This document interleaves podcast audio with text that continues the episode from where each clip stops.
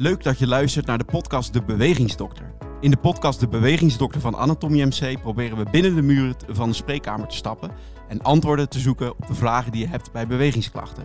Ontmoeten hier fysiotherapeuten, artsen of orthopedische chirurgen die gespecialiseerd zijn in het herkennen en behandelen van bewegingsklachten. We stellen vragen als wanneer moet ik aan de bel trekken bij pijn? En wat is de juiste route voor mijn klacht in het zorgsysteem? Ik ben Sander Westerduin.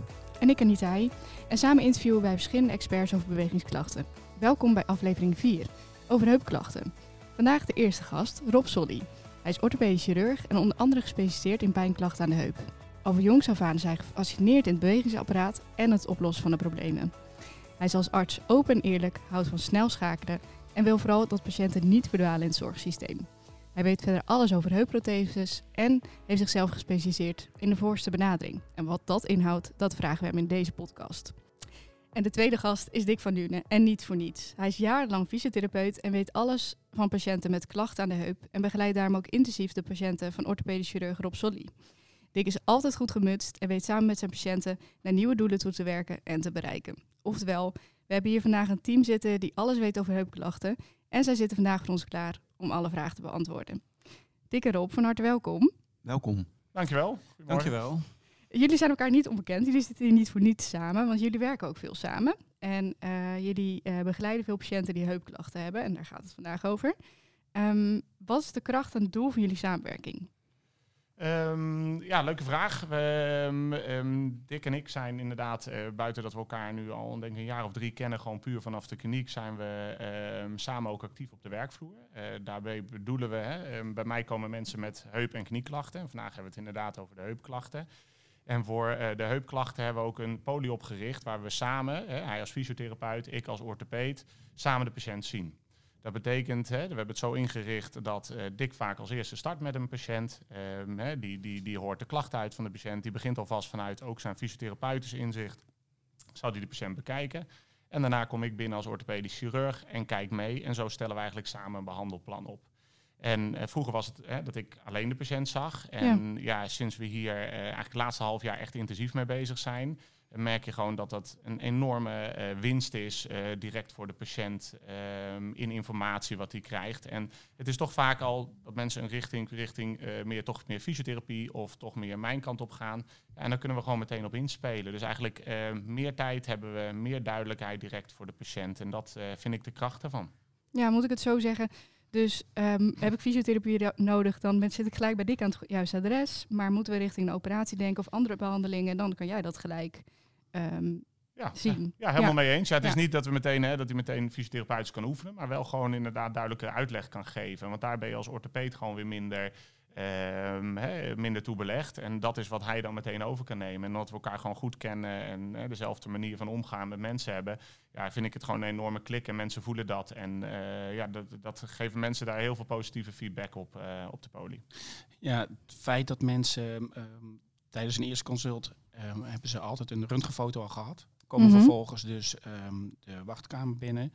Uh, ik zie ze als, als eerste, heb inderdaad het gesprek met de patiënt. En um, vervolgens komt uh, Rob inderdaad binnen en we bepalen het samen. Het fijn is als het dus het niet-operatieve traject um, mogelijkheden worden besproken. Dat ik in mijn rol ook uit het netwerk van onze fysiotherapeuten zelf om ons heen uh, snel kan schakelen met de patiënt. Uh, om te vertellen van nou, bij wie heeft u nu de fysiotherapie? Ja, precies. Heb je al fysiotherapie gehad? En wat, wat waren dat dan inderdaad voor oefeningen bijvoorbeeld? Precies. Ja. En moet daar iets in aangepast worden? En dan kan ik dat vervolgens uh, in een um, verwijsbriefje voor de fysiotherapeut meenemen. Exact, Desnoods ook ja. contact opnemen met die fysiotherapeut. Dat hoeft de patiënt dan ook niet te doen. Um, daar zorg ik dan voor. En uh, zo blijft de terugkoppeling tussen de fysiotherapeuten onderling dan ook weer bij mij te liggen. En kan ik dat ook weer uh, eventueel overdragen als erop waar nodig. Ja, een samenwerking dus om samen uh, patiënten met heupklachten op de juiste manier te begeleiden. Ja, ja. ja um, ik heb heupklachten. Waar heb ik dan last van, Rob? Uh, ja, dat, dat, is een breed, breed, breed begrip. Hè. Um, bij ons komen mensen, als mensen klachten hebben, worden ze via de huisarts doorverwezen. En mm -hmm. vaak dan, hè, ik ben een van de heuporthopeden, zoals we dat dan noemen. Dus dan worden ze bij mij op de poli ingedeeld. En eigenlijk, naar mijn idee, heb je drie grote groepen mensen die met heupklachten binnenkomen, om het breed te houden. Eén, het is gerelateerd aan slijtage, hè, dus de, de, de, de, de artrosezorg. Ehm, twee, het is meer de, de spieren uh, eromheen, hè, de, overbelasting, overbelastingsklachten. En drie, het is eigenlijk niet orthopedisch en het komt bijvoorbeeld vanuit een zenuwbeknelling in de rug. Um, uh, of het is iets reumatologisch of het is met de vaten. En in die zin is dat voor mij de eerste stap wat ik moet uitzoeken op de poli. Hè. Van zitten ze bij mij, is het meer Um, is het artrosezorg? Is het meer, uh, of zit het meer in de spiergroepen? Dan is het meer de sportarts waar we mee samenwerken. Of is het iets anders? Dan gaan ze meer terug hè, naar, de, naar het specialisme waar het probleem is. Maar waar we het vandaag denk ik beter over, hè, waar we het over moeten hebben, is de artrosezorg. Um, hè, waar dus uiteindelijk mensen echt bij mij um, in die zin aan het goede adres zijn.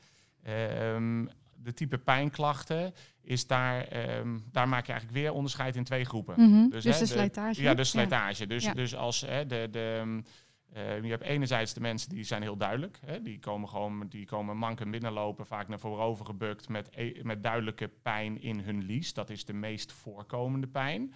Mm -hmm. um, maar je hebt ook mensen die juist met Hè, die, die, hè, en dat, is, dat komt dan vanuit, we denken dat liespijn voornamelijk door de heupkom komt, hè, slijtage in de heupkop. En je hebt ook een groep die eigenlijk daar helemaal geen pijn heeft, maar um, secundair, dus ik bedoel als gevolg van klachten elders in het lichaam krijgt. Dus hè, als je op een gegeven moment, sommige mensen die hebben gewoon weinig last van de slijtage, maar die worden steeds stijver. Um, en die gaan daardoor inderdaad overcompenseren in hun rug. Hè. Die moeten hun oh, houding ja. aanpassen. Mm -hmm. Die gaan hun knieën gaan worden in een bepaalde stand geduwd omdat de heup niet meer goed kan draaien. En die komen dus met knieklachten of met rugklachten. Um, en dat, dat zijn eigenlijk, de, naar mijn idee, de twee grote groepen. Dus hè, de, wat voor pijnklachten komen mensen? Het standaard verhaal is liespijn, um, hè, bewegingsbeperking. Hè, maar anderzijds moet je altijd scherp zijn als mensen met rugklachten en knieklachten komen, oh ja, dat okay. het ook uit de heup kan komen. Dus het komt niet altijd uh, sec van de heup vandaan eigenlijk, als ik het zo goed begrijp. Dat die klachten echt puur alleen uh, ja, heupgerelateerd is, zoals je net zei. Nou, het kan allebei de kanten okay. gaan. Kijk, kniepijn kan komen doordat je iets in de knie hebt. En kniepijn kan komen doordat je heup stijf is geworden. Als het zo, hè. Dus dat, dat is iets wat je als orthopeed... Daarom moet je altijd aan grenzend gewricht zeggen... we moet je ook onderzoeken. Omdat het daar vandaan kan komen. Hè. Dat noem je uitstralende pijn. Um, en daar moet je, ja, dat is iets waar je goed op moet letten. En zeker bij de heupklachten. Ja, dus eigenlijk als een patiënt um, de behandelkamer inloopt, dan zien jullie eigenlijk al heel veel. Ik zeg altijd, hè, als mensen binnenkomen, 95% van de mensen weet je eigenlijk al binnen een minuut wat er aan de hand is.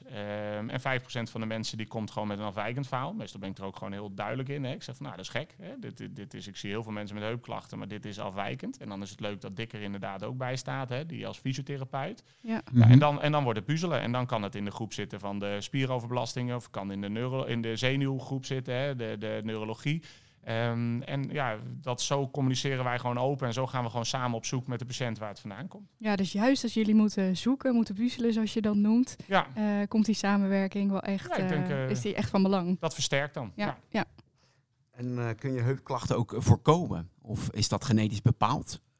Um, kijk, uiteindelijk is het um, echt voorkomen lijkt me lastig. Uh, kijk, je hebt natuurlijk een aantal factoren die iedereen kan voorstellen dat dat op een gewricht van invloed is. Hè? Mm -hmm. uh, overgewicht, uh, zwaar werk doen. Hè? Als je altijd in de bouw hebt gewerkt of in de zorg hebt gewerkt of, of in de thuiszorg, hè? schoonmaakhulp.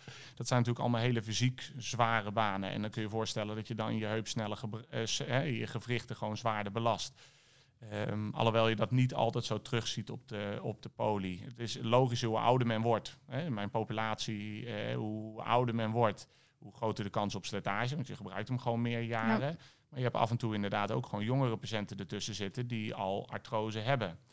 Um, vaak is dat eigenlijk het enige wat je kan zeggen tegen mensen. Ja, dat is gewoon puur pech. Hè. Mm -hmm. Waarom is de linkerheup en niet de rechterheup? Want dat is echt 50-50. Um, um, het enige is wat nog een, een kleine groep is inderdaad, uh, wat wel steeds minder wordt, zijn bijvoorbeeld de aangeboren heupafwijking, hè, de heupdysplasie, heb je misschien wel eens van gehoord. Uh, de kindjes die in spreidbroekjes ja, moeten precies. liggen. Ja, dan, is ja. het, en dan is het kommetje eigenlijk niet helemaal goed gevormd. En um, dat, zijn, zeg maar, dat zijn risicofactoren om al op relatief jonge leeftijd, 40, 50, al met slijtage te zitten.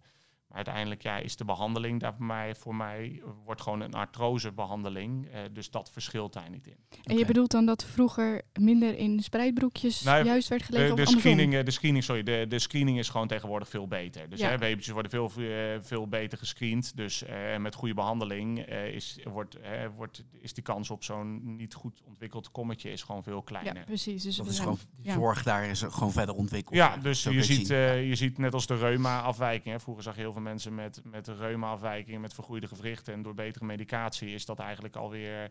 Uh, ja, dat is echt drastisch afgenomen in positieve zin. Dus dat, uh, ja. ja. Je zei nou net al iets over de leeftijd. En wat, maar wat is nou de gemiddelde leeftijd van mensen die, die heupklachten krijgen? Of uh, is dat echt heel divers? Nee, ik, ik, ik, ik doe niks anders dan of voornamelijk ja, bijna niks anders dan artrosezorg, slijtagezorg. Uh, en dat ja, is toch wel gemiddeld de 60-plus groep. Mm -hmm. Alhoewel wij zijn, hè, we zijn een uh, zelfstandige kliniek. Um, en je ziet toch dat mensen die juist ook wat jonger zijn, hè, die zijn vaak wat beter gericht op het internet, op zoeken van hè, wie kan de beste zorg bieden. Mm -hmm. um, ja, en dan gaan mensen op een gegeven moment toch richting de klinieken, zie je. Hè, die willen wat persoonlijkere aandacht. Dus mijn, hè, Dick, ik denk dat je het kan beamen, onze, onze groep mensen uh, is, is, is uh, denk ik ten opzichte van de ziekenhuis ook vaak wat jonger. Ja, nee, dat klopt. Dus als je gaat kijken naar uh, heupklachten in zijn algemene zin, mm -hmm. dan zie je eigenlijk verschillende leeftijdscategorieën voorbij komen. Met de artrose heupklacht natuurlijk wat ouder. Um, ten, ten, tegen, ten name van de heupklachten van de sporters of zo, ja, die zijn natuurlijk jonger. Um, en dat, daar zit wel natuurlijk een verschil in. Oké. Okay. En uh, als het bij jonge mensen voorkomt, hè, uh, uh, doen jullie dan ook protheses plaatsen? Of is dat, wordt dat echt op een bepaalde leeftijd pas geadviseerd? En wat is jong, hè, Sander? Ja, wat is jong? Dat ja. is natuurlijk, ja. dat is, natuurlijk lastig, maar... Nee, kijk, ja, dat, dat, het, is, het is een traject waar je samen mee ingaat met de patiënt. En um, de, de, de 70-plussen die um, uh, voorovergebogen met veel pijn komt binnenlopen, waarbij je een foto maakt waarbij de heup totaal versleten is, ja, dan is de keuze heel snel gemaakt. Is iemand 40, ja, dan ga je wel met mensen zitten van wat zijn de voor- en wat zijn de nadelen. Mm -hmm. um, ten opzichte van knieën zijn we wel liberaler, hè, sneller in het plaatsen van een prothese. Hè. We hebben de gedachte dat uh, op basis van uitkomst dat heupen steeds langer meegaan. En ja, als je de kwaliteit van leven verschil ziet met of zonder prothese, is dat enorm. Dus voor mij is niet als iemand 40 is een harde nee dat je zegt wacht maar tot je 60ste en dan gaan we je eindelijk opereren. Okay. Mhm. Alleen ja, het is, het is een, een afweging die je samen moet maken met je patiënt. Hè. Mensen moeten begrijpen dat iedereen tegenwoordig topfit 80 wordt. Dus als je al op je 40ste die eerste prothese hebt, ja, dan heb je een grote kans om voor je pensioen, pensioen toch al een keer een heroperatie ja. te hebben. Um, dus ja, dat, dat zijn op een gegeven moment keuzes. Maar voor mij, het is niet een harde nee. Uh, jonge mensen zijn vaak nog, hè, zit, doen vaak spierpaletten ook meer mee, waar je nog met de sportarts wat mee kan, met eh, dik ook vanuit de fysiotherapie. Maar uiteindelijk, ja, als, als artrose de hoofdoorzaak is en de mm -hmm. heup is totaal versleten en er is niks anders te doen en mensen zijn echt dusdanig belemmerd in hun dagelijks leven, um, waardoor ze zeggen ik wil die stap nemen, ja, dan gaan we wel die stap aan met mensen. Ja, het is wel echt, wat is de hulpvraag van de patiënt? Hè? Wat wil de patiënt en wat kunnen wij daar uh, aan, aan, doen om uh, dusdanig een oplossing of een antwoord voor ze te vinden, ja, dat we ze daarmee kunnen helpen. Ja, het is dus echt een samenwerking en in gesprek gaan met die patiënt uh, om uiteindelijk tot een uh, totaal behandelplan te komen. Dat is eigenlijk wat ik uh, ja. begrijp. Ja, ja, Mensen, mensen moeten begrijpen wat ze doen. En dat, ja. dat is, is, soms lastig hè, in een eerste consult al direct, als je elkaar voor het eerst ziet. Mm -hmm. Uh, maar daar is altijd ruimte voor. Kijk, en je merkt toch bij uh, de, de, iedereen heeft. Je merkt verschillende patiënten. De ene zegt dokter, doe maar wat je denkt dat het beste is. En de andere spreek je drie, vier keer omdat ze gewoon meer tijd nodig hebben. En dat is het leuke. Die ruimte hebben we, nemen mm -hmm. we. En, en zo is het voor iedereen. Uh, ja, een beetje custom made eigenlijk. Hè? Ja, je kunt ja. alle mogelijkheden met de patiënt bespreken. waardoor de patiënt echt de keuze heeft om te kijken van ja, waar kies ik nu voor?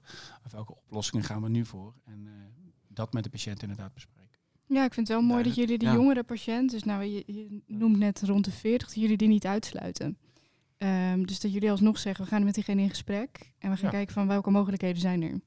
Ja, nee, maar ik bedoel, ik, ik zie gewoon mensen met heupklachten. Dus ik zie um, in die zin wel dat nu wat specifiek over de, over de uh, slijtage, uh, echt puur de artrose, slijtage. Maar ehm, ja, uiteindelijk zien wij gewoon alle heupklachten. Ja. Dus ook mensen van 25 die inderdaad eh, meer sportoverbelastingen hebben. Dus eh, we hebben voor alles hebben we in ieder geval een, een, een plan, een traject waar ze in kunnen stappen en waar we zo ver mogelijk mee kunnen helpen. Ik ging eh, zoeken op Google op heupklachten. En ik kreeg al vrij snel de suggestie hardlopen en fietsen daarachter naar boven. Ehm, is dat iets wat bij heupklachten veel voorkomt? Je googelt op heupklachten, eh, is het dan zo dat het hardlopen en fietsen, dat je daar heupklachten van krijgt? Of is het zo dat eh, als je heupklachten hebt, ehm, eh, moet je dan gaan fietsen of gaan, gaan hardlopen? Ehm, meestal hoor je dat mensen met door hardlopen heupklachten krijgen. Ehm, Mhm. Of als je in één keer denkt van nee, ik heb een vriendje van maatje die is aan het hardlopen. Ik ga dat ma maandag ook eens proberen. Eh, zonder daar bijvoorbeeld een mooi aanlooptraject voor te pakken. Ja, dan kun je in ieder geval snel een kans krijgen op heupklachten. Ehm, dus dit is een beetje kijken van ja, wa- wat heb je gegoogeld? Ja, precies. En eh, Ja. wat bedoelen ze met fietsen? Want over het algemeen is fietsen bijvoorbeeld, mensen met heupklachten, eh, is fietsen juist wel heel prettig, omdat het een hele onbelaste ehm, beweging is, waarin je eigenlijk je spieren wel Ja, dus mooi kan belasten. Ik moet het niet als signaal zien dat als ik heupklachten heb, betekent het niet dat ik niet meer kan fietsen, dat ik daar problemen mee heb. Nee, of nee, ehm, nee, inderdaad. Nee. Stel nou, ik heb heupklachten, dan kan ik met een gerust hart waarschijnlijk gewoon doorfietsen. Dat kan natuurlijk ook de vraagstelling zijn geweest. nee, En precies. kan ik gerust ook door hardlopen. Ja, uiteindelijk ben je natuurlijk eh, baas van je eigen lichaam. Dus je Ja. moet goed gaan bekijken, en dat is eigenlijk in algemene zin zo. Als ik belast of als ik wat doe, eh, ervaar ik daar pijn, eh, trekt die pijn weg. Hoe is mijn reactie diezelfde avond? Hoe is mijn reactie die nacht? Hoe is mijn spierpijn?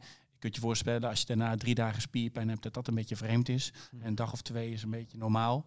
Ehm, ja, zo moet je ernaar kijken. Dat is het, eh, het, alge- het vroegere gezonde verstand en die moet je blijven gebruiken. Ja, want ik kan me voorstellen dat je daarin zoekt als patiënt. Als je dan heupklachten hebt, wanneer trek je nou in de bel? Ja, inderdaad. inderdaad. Ehm, ik denk dat je mm, eh, aan de bel moet gaan trekken als toch iets eh, onverwachts gebeurt. Wat ik net al vertelde, je spierpijn is langer dan eh, drie dagen. Ja, Eh, je hebt eh, Mhm. misschien langere tijd pijn en rust. Of bij specifieke bepaalde bewegingen wat niet wegtrekt. We weten allemaal als je eventjes rustig aandoet, dat het lichaam dan wel kan herstellen. Maar als je merkt dat ondanks je je aanpast op de situatie, eh, pijnklachten of beperkingen niet ehm, eh, veranderen, ja, dat je dan wel aan de bel kan trekken. Ik denk dat je dan wel, ehm, of met je fysiotherapeut, als je daar al in behandeling bent, of in combinatie met je fysiotherapeut naar de huisarts om te vragen van, hey, is dit normaal wat ik nu ervaar, of is het iets waar ik aandacht aan moet besteden?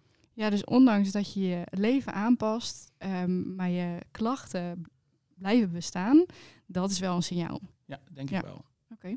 Ik, ja, als aanvulling, ik heb ook altijd het idee van in welke stap je ook zit in het hele proces. Hè. Het is altijd als je op een gegeven moment belemmerd wordt in je dagelijkse dingen. Je zegt van hé, hey, wat ik nu ehm, wat ik wil doen, kan ik niet meer doen. Waarom is dat?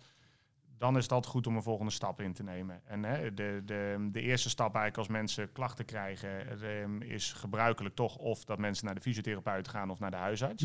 Hè, dus huisartsen zijn uiteindelijk degene die de filter moeten zijn om naar ons door te verwijzen of niet. Hè. Die gaan vaak het niet-operatieve traject starten die er al. Hè. Meestal beginnen ze dan met fysiotherapeut, dus Mhm. fysiotherapie. Die doen al een evaluatie van welke kant zit het, hè, in de spieren of toch in de artrose. Kunnen vaak met pijnstillers al starten. En als het dan vastloopt, hè, dan eigenlijk dus weer zitten ze voor de huisarts. Zeggen ze ja, eh, u heeft alles geprobeerd wat u kan, maar ik zit nog steeds met een klacht, ik word belemmerd. Dan ga je naar de volgende stap. Dan Ja. komen ze denk ik bij ons. En ik denk dat dat gewoon eh, voor ieder individu is, ehm, is die stap anders. Hè. Eh, Jongere mensen die zullen sneller zeggen van... hé hey jongens, ik word belemmerd, wat is er aan de hand? Ik wil naar de volgende stap. En daarom komen mensen ook wel eens bij ons... ehm, ter uitsluitsel van dat er niks ernstig aan de hand is. Omdat ze, Ah, zoals het, het hardlopen en fietsen, Mhm. dat is een grote groep mensen die wij inderdaad zien. Het zijn natuurlijk ook de mensen die sneller googlen, hè, de wat jongere mensen. En die, die gaan op een gegeven moment klachten krijgen. En ehm, ja, dan vind ik het ook belangrijk, en dat vind ik een, ehm, juist een kliniek als de onze heel sterk in, is dat wij mensen ehm, snel ook uitsluitsel geven dat het iets niet is. Eh, De, de vraag is altijd in de zorg van wat is over, hè, wat, wa- wanneer doe je overdiagnostiek, wanneer doe je te veel. Ik denk bij ons, ik vind het altijd belangrijk om ook een deel gewoon te zeggen, ja, het is de heup in ieder geval niet. Het is in ieder geval niet de artrose, dus het zit in de spieren. Dus we moeten echt met dat traject moeten we verder. En, ja, en zo is het gewoon stap voor stap eh, verder met Ja, dus je zegt bij een bepaalde generatie, eh, misschien een wat jongere groep, Ja. ben ik ook heel vaak aan het geruststellen. Ja. Ja. En ik denk dat, want ik geloof daarin dat mensen geruststellen, dat je daar enorme ehm, ehm, zoekgedrag bij patiënten weghaalt. In, in ehm, even generaliseren, of, hè, algemeen zeggend, eh, in ziekenhuizen is het meer van, dan ga je naartoe zeggen, ja, het is niet orthopedisch, dit is wat we kunnen. En, en wij proberen toch een totaalpakket voor de patiënt zo te bieden dat, dat ik in ieder geval echt uitsluit door middel van een foto, mijn onderzoek het verhaal dat het echt niet het heupgewricht is. Hè. Daar stel ik mensen gerust. Daar maken mensen zich vaak zorgen om. Ehm, en dat, ze dan, dat we dan een volgende oplossing, voor, of volgende oplossing voor ze hebben. En dat is bijvoorbeeld de sportarts of ons pijnteam. Hè. Daar doen we ook heel veel mee als mensen gewoon pijnklachten hebben. Ja, ik had, Oké. ik had deze vraag ook opgeschreven die, ehm, eh, die hierbij aansluit. Nou, ik zei het in mijn introductie al even. Jij wil niet dat eh, patiënten verdwalen in het zorgsysteem. Is dat nu iets waar je ook al op doelt? Eh, ja, onder andere. Het is Ja. ehm, ehm, één, hè, ik, ehm, gewoon ergens te horen krijgen, ja, dit is het niet, succes ermee. Dat is wat je vaak hoort als mensen bij een specialist komen. Ja. En wat ik het leuke vind aan de setting waar ik in werk, is dat je eigenlijk altijd mensen weer wat te bieden hebt, een volgende stap. Ja. Ehm, en dat is waar we heel erg op in hebben gezet. Dus we hebben heel veel geïnvesteerd ook in, in hè, de, de, de samenwerking met de sportarts. Hè. Ik, ik denk dat we nu twee jaar, Dick, zeggen we dat met, eh, of al langer weer? Oh, bijna. Ja, Ook, tweeënhalf ja, twee jaar echt intensief samenwerken met de sportarts. Hè. Ik denk dat de sportarts bijna een kwart van mijn patiënten bijna wel ziet. Hè. Die, die, eh, en niet zozeer om mee te gaan sporten of dat het sporters moeten Mhm. zijn. Maar zij heeft gewoon veel meer kennis op het gebied van, Van spieren, eh, van wat je al zei. spieren, Ja. weken Mhm. delen. En vooral ook als mensen al fysiotherapie hebben gehad van hè, waar sta ik, wat zou beter zijn. En dat vind ik echt een, een verbetering op, op eh, dat gebied. Ja, En als, eh, als dan het verloren raken, dus daar helpen we mensen mee om. Het is ook gewoon in onze kliniek, dus mensen hoeven alleen maar, die kunnen direct een afspraak maken en kunnen een week, twee weken later al terecht. En anderzijds, wat ik ook heel belangrijk vind aan onze kant, is dat we proberen zoveel mogelijk voor de patiënt, en dat lukt ook goed, eh, altijd dezelfde gezichten te hebben. Dus hè, mensen zijn, komen bij mij, dan ben, ben ik gewoon hun dokter in het hele traject. Dus hè, ik, als ik ze zie en ik moet ze, stel voor ik moet ze een prikje geven of opereren, dan zien ze daarna mij ook terug. En nu met Dick samenwerkend zien ze mij of Dick dan terug.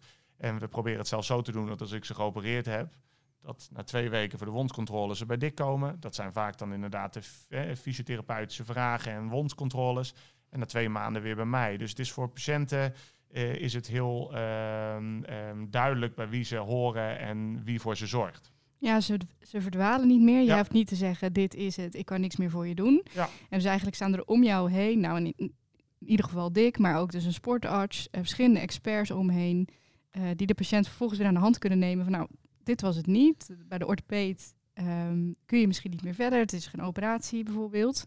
Ehm, maar wij kunnen je wel aan de hand nemen en verder. Ja, je hebt natuurlijk altijd uitzonderingsgevallen waarbij het lastig is. Maar wat ik merk ten opzichte van hè, mijn opleiding en de, de, de ziekenhuizen waar ik gewerkt heb voordat ik hier kwam, is dat dat een enorm verschil maakt voor mensen. Ja, mooi, dank je. Het fijne is ook gewoon dat je ehm, in de kliniek waar we werken dan ook alle diagnostiek aanwezig hebt.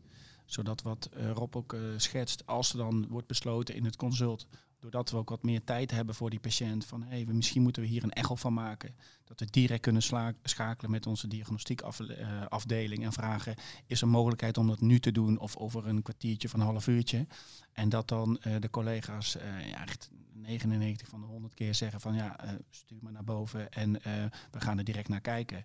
Ja, dan hou je die patiënt eh, aan de hand en die hou je gewoon in het zicht eh, voor het vervolgtraject. Ja, want waar zit dan precies het verschil in? Ik bedoel, zijn er voorbeelden dat een patiënt dan eigenlijk naar huis moet?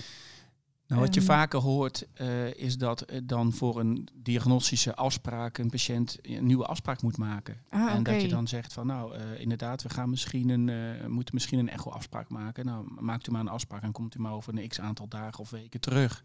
Ehm je hoort die verhaal ook over de MRI bijvoorbeeld. Ja, als je Ja. dat direct allemaal in je omgeving hebt en je hebt een, een samenstelling van teams, ehm, op dit geval de diagnostiekafdeling, die daar allemaal in, in meewerken, dan heb je eigenlijk een groter team die allemaal hetzelfde doel heeft voor die patiënt. Dus die Ja. patiënt kan eigenlijk, kan eigenlijk op één dag gewoon eh, die hele straat doorlopen, als, het- als je het zo bekijkt. Dat streven we wel, dat Ja. streven we echt om dat te doen, ja. Hele Ja. rode loper ligt eigenlijk Rode uit. loper, ja. Nou, kijk, eh, ru- het belangrijkste is wel, denk ik even, om dat duidelijk te hebben. Hè. Ehm, ehm, voor ons vooral de, de, de tijden dat mensen op dingen moeten wachten, is zeker korter dan in ziekenhuizen. Mhm. Dat, dat, eh, de, eh, tijd dat je een MRI kan krijgen.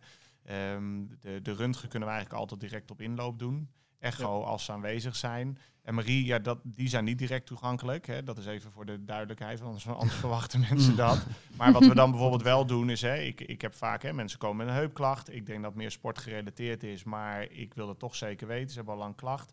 Dan maak ik, laat ik een MRI maken. Dan komen ze op dezelfde dag van de uitslag komen ze bij mij. En dan, omdat ik eigenlijk al 95% zeker weet dat de sportarts eh, erbij betrokken moet worden, laat ik ze terugkomen op de dag dat ze dan na mij, een kwartier later, ook direct bij de sportarts komen.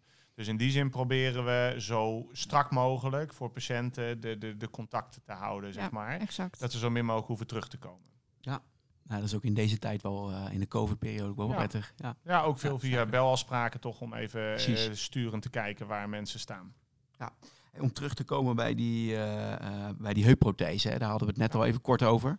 Ehm, ja, zit er een verschil tussen heupprotheses en eh, wat is het belang ook eh, ja, eh, voor de patiënt? Moet je daar ook over nadenken als patiënt of wordt dat voor je gedaan? Hoe, eh, hoe werkt zoiets? Ja, last, een lastige vraag. Kijk, je hebt zeker verschillende heupprotheses. Je hebt gewoon verschillende fabrikanten die heupprotheses maken. En ja, vroeger was dat een weerwar aan protheses. En ja, had, ehm, hè, dat, dan spreken we over 30 jaar geleden. hè, Mhm. dan, dan was daar weinig controle over. Tegenwoordig is dat heel strak geregeld. We hebben de orthopedische vereniging, waar alle orthopeden onder vallen. Die hebben gewoon hele strakke normen, ook op basis van de inspectie, welke protheses je wel en niet mag plaatsen. En zo zijn er zeg, zeg dat er 10 protheses zijn, hè, 10 tot 20 protheses zijn, die zich bewezen hebben volgens studies Mhm. dat je ze eh, mag plaatsen.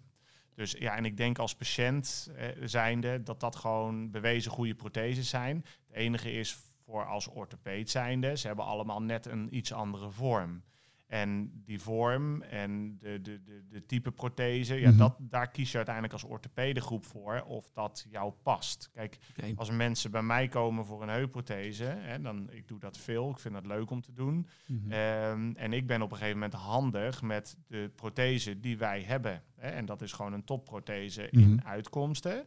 Ehm, maar als een patiënt zeg maar, daarover gaat nalezen en in één keer zegt van ja, ik heb die gelezen, dat voelt bij mij beter. Ja, dan ga ik zeggen, ja, die heb ik niet, hè, die kan ik niet plaatsen. Ik gebruik die andere.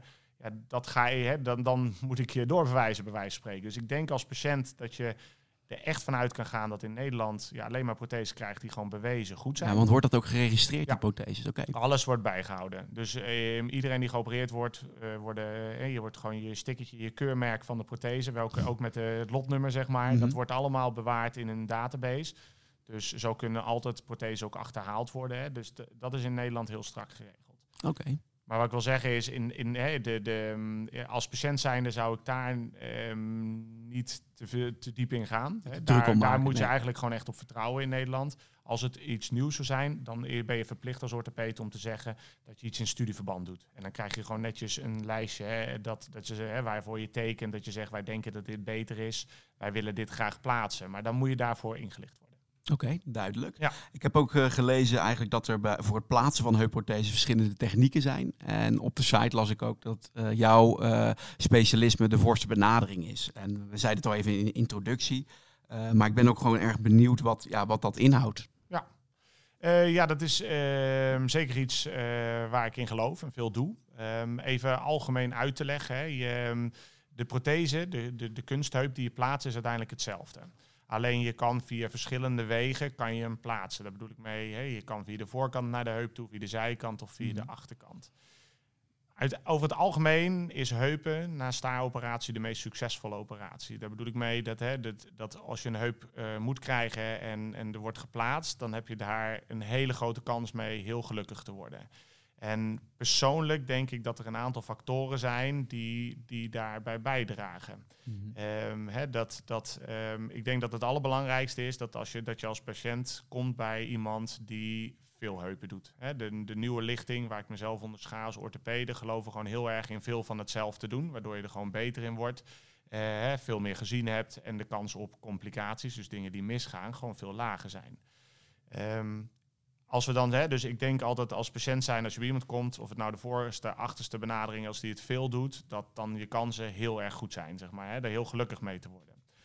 Alleen, ja, hè, ik, ik ben zelf opgeleid met alle benaderingen. Ik heb ze Mhm. allemaal gezien, dus ik heb uiteindelijk kunnen kiezen van welke benadering past mij het beste. En als ik dan ehm, kijk waarom ik voor de voorste heupbenadering heb gekozen, is dat twee redenen. Eén voor de patiënt. Hè. Je ziet uit studies dat mensen wat sneller revalideren. Dus de eerste drie maanden zie je dat mensen vlotter door een revalidatie gaan. Nou, dat vind ik voor de populatie die de, hè, de aantal type mensen die bij ons komen, hè, dat zijn de relatief wat gezondere mensen Mhm. met een bewegingsprobleem die eigenlijk zo snel mogelijk weer terug willen in hun werk of doen, is dat extreem belangrijk. Dus dat vind ik belangrijk. Ehm, je ziet dat mensen minder kans hebben dat die uit de kom gaat. Hele vervelende complicatie. En dat, dat is minder bij de voorste heupbenadering. En in het nabehandelingstraject hebben mensen minder regels waar ze zich aan hoeven te houden. Dat betekent niet dat je gek kan doen, maar je, je moet ehm, eh, bijvoorbeeld met een achtsheubenadering, dan moet je zes weken op je rug slapen. Omdat op je zij heb je een kans inderdaad dat hij dan instabiel is, hè, dat hij eruit uit de kom gaat. Terwijl bij de voorste heupbenadering is dat niet. Dus dat vind ik als belang voor de groep, voor de, voor de patiënten. En als ik naar mezelf kijk, vind ik het de voorste heupbenadering een technisch eh, fijnere be- benadering. Mensen liggen op hun rug. Ik kan de beenlengte goed controleren. Ik kan een röntgenfoto maken al voordat mensen van de tafel gaan. Dus mijn betrouwbaarheid van het trucje dat ik goed moet doen, is gewoon vele malen hoger in mijn handen. Dus lang verhaal kort. Ik denk dat een voorste heupbenadering in mijn handen het beste is. En ik ben als ik denk als patiënt zijnde, als je kan kiezen, zie ik daar persoonlijk heel veel voordelen in. Oké. Mooi. Ja, helder. Ja, Ja, dat is een heel, helder heel verhaal. Het was helder. een heel eh, mooie pistool. Ja, Dus nee, we zijn zeker. bijna Ja. omvergeblazen. Precies. Ja. Ja. Nee, dus het- het- eigenlijk zeg je dat ehm, er geen goed of slecht is. Dat haal ik er heel erg uit. Ja, heupen gaan Ehm, over het algemeen is gewoon een hele ja. dankbare, goede Ja, omdat operatie. je hem ook echt vergelijkt met die staaroperatie. Dat vind ik best wel Ja. opvallend. Dat Ja. is natuurlijk een operatie die we eigenlijk allemaal wel om ons heen vaak horen. Ja. Eh, maar dat je hem dus in die categorie bijna zet. Eh, dat het zo, Ja. bet- ja, zo betrouwbaar is. Ja, het, het is gewoon, hè, je, je hebt een, blij, een, een, een niet blij poppetje voor de operatie en je hebt een blij persoontje na de operatie. Hè. Zo heb je allemaal scoreformulieren Mhm. waarbij we kijken hoe, hoe tevreden. Want eigenlijk maakt niet uit hoe, hoe je plaatst. Als een patiënt uiteindelijk tevreden is, daar gaat het om. Hè. Is een patiënt, kan die weer zijn dingen doen Ja. die hij wil doen. En daar valt deze operatie, zeker bijvoorbeeld ten opzichte van een knieprothese, is daar vele malen beter in. Dus daarom zeg ik ook als patiënt, een- heupoperatie, als je daar inderdaad aan toe bent, ja, is het gewoon een hele dankbare, eh, relatief betrouwbare operatie om te ondergaan. Oké. Ja. En als ik nou zo'n operatie heb gehad, eh, Dick, ehm, hoe gaat het traject daarna dan? Wat moet ik dan opnieuw aanleren? Ja, leuke vraag. Ehm, het grootste wat je, ehm, wat je eigenlijk aan moet leren is eh, weer het vertrouwen hebben in die heup. Mensen hebben een langere periode pijn ervaren en beperking. Mhm. En die merken eigenlijk direct, en dan- dan bedoel ik ook echt direct als ze geopereerd zijn, en bij wijze van spreken eh, de eerste boterham alweer op hebben, eh, dan komen een van onze collega's of ik kom even, eh, komen dan het traject al starten. En dan merken mensen al eigenlijk dat ze stapjes kunnen lopen. En ehm, ja, dat geloven ze eerst niet. Ehm, eh, dus het, het, het aanleren van het vertrouwen van ja, dat gaat gewoon weer. En dat gaat u ook weer snel weer kunnen doen. Ehm, dat is eigenlijk het grootste doel wat je ze eigenlijk moet aanleren. Patiënten krijgen eh, allemaal een eh, protocol mee. eh, die we ze natuurlijk meegeven als ze bij ons revalideren of bij een van onze collega's uit ons netwerk. En wat je dan merkt, en wat ook eerder is verteld, ik zie ehm, een groot aantal patiënten dan twee weken na de operatie terug. Hoe snel dat gaat. Hoe mooi mensen dan weer, als ze dan de spreekkamer binnenlopen met krukken, dan zeggen nou, de pijn is weg. Eh, en, En dan gaat al de pijn zeg maar, na de operatie is al meteen ja. zo verlichtend. Ja, eh, wisselend. Kijk, wat, wat ik het leuke vind, ik doe drie operaties veel. De heup, de knie en de halve knie. En als je het verschil tussen een knie en een heupoperatie ziet, is dat de groep mensen waarbij ik een heup plaats, die zegt van nou, het is alsof een rotte kies is getrokken. Ik ben die pijn kwijt. Ja, het is echt waar. Dat is echt, dat, dat gevoel, dat wordt, je merkt of het, of het ook eh, van mijn handelen is dat ik er steeds meer doe, hè, dat dat is, maar dat komt steeds vaker voor. Globa- ja, uiteindelijk is het nog steeds wat, hè, het is niet 100% te garanderen Nee. dat je direct happy bent, maar als je ziet het verschil tussen heupen en knieën, mensen liggen over het algemeen vrij comfortabel al direct in bed en gaan de volgende dag eigenlijk al heel stoer lopen ze met krukken over de gang en gaat het heel goed. Eh, Zegt dat 10%, dat 10% ehm, dat niet heeft, dat hij toch pijnklachten heeft na de operatie, wat niet gek is na een operatie. Maar goed, dan wordt het gewoon, dat, die gaan over de loop der tijd, wordt dat gewoon steeds beter. Maar je ziet wel echt een, een steeds grotere groep ehm, die gewoon direct het verschil voelt en positief gestemd is over de operatie. Want hoe ervaren mensen het fysiotherapeutische traject daarna? Ervaren ze dat als intensief? Uh, wisselend. Dat is ook natuurlijk hoe mensen er in, uh, in het project zijn of in het proces zijn gegaan. Hoe lang mensen al pijn hebben. Of, um, um, aan de andere kant uh, over het algemeen al wel positief. Het fijne met de voorste benadering is ook dat er bepaalde bewegingen die je in je algemeen dagelijks leven vaak maakt. Dus het buigen van je knie, of het heffen van je knie, die mag je gewoon maken. ten opzichte van de andere zeg maar, procedures niet. En dat betekent dat mensen heel veel dingen thuis al onbewust al doen. En waardoor je al snel activiteit creëert van spieren en um, andere spieren om je heen. Waardoor mensen ook snel geneigd zijn om ook actief te zijn. En dat merk je wel als een grote, groot verschil. Hoe actiever ze zelf zijn, uh, binnen de grenzen natuurlijk, um, hoe, hoe, hoe, beter dat, uh, dat proces vervolgens zich voortzet. Want kun je kleine voorbeelden qua bewegingen noemen die je dan thuis bijvoorbeeld doet? Nou kijk, um, het fijne is, wat ik al vertel, je mag je knie heffen. Dus het zitten op een stoel, ja. of naar de toilet gaan, of um, trap lopen. Dat, dat met, met een kruk of met de, de leuning vasthouden, dat gaat allemaal wel wat makkelijker. Je mag dit been heffen, um, het van zitten naar gaan staan, uh, dat soort dingen. Met, dat, ja, dat gaat makkelijker voor de patiënt. En dat zie je dan ook direct als ze, uh, wat ik net al vertelde, in de wachtkamer zitten voor de tweeweekse controle. Als ze vervolgens naar je toe lopen met krukken, uh, dat je mensen echt, echt mooi ziet lopen. Ja. Hm. ja, maar het gaat dus ook voor een heel groot deel, zit jouw werk dus ook in samen weer vertrouwen winnen. Ja, inderdaad. En niet alleen met mij, maar ook gewoon wat ik net al vertelde met de fysiotherapeuten waar we mee samenwerken. Zowel binnen anatomie als buiten anatomie is dat gewoon, uh, gewoon uh, erg goed. Ja. Oké, okay, ja, je, ik, uh, een duidelijk verhaal, Dick, ook wat dat betreft. Um, ik, ik, lees ook veel over digitalisering in de zorg. doen jullie daar ook wat mee binnen het, binnen het heuptraject of voor patiënten die heupklachten hebben? Doen, doen jullie daar wat mee? Um, ja, re recent of vrij recent uh, hebben we een app in, in gebruik genomen. Hè, de, de Caro of Caro app. Mm -hmm. Even dat ik de naam eigenlijk nog steeds niet zeker weet. Maar um, dat, is een, dat is een app waarbij um, uh, er worden mensen, als stel voor ik zet mensen op de lijst om te opereren. Hè, dat mm -hmm. beslis je dan op een gegeven moment. Dan uh, gaan ze naar de polyassistenten toe om het hele traject in te gaan zetten.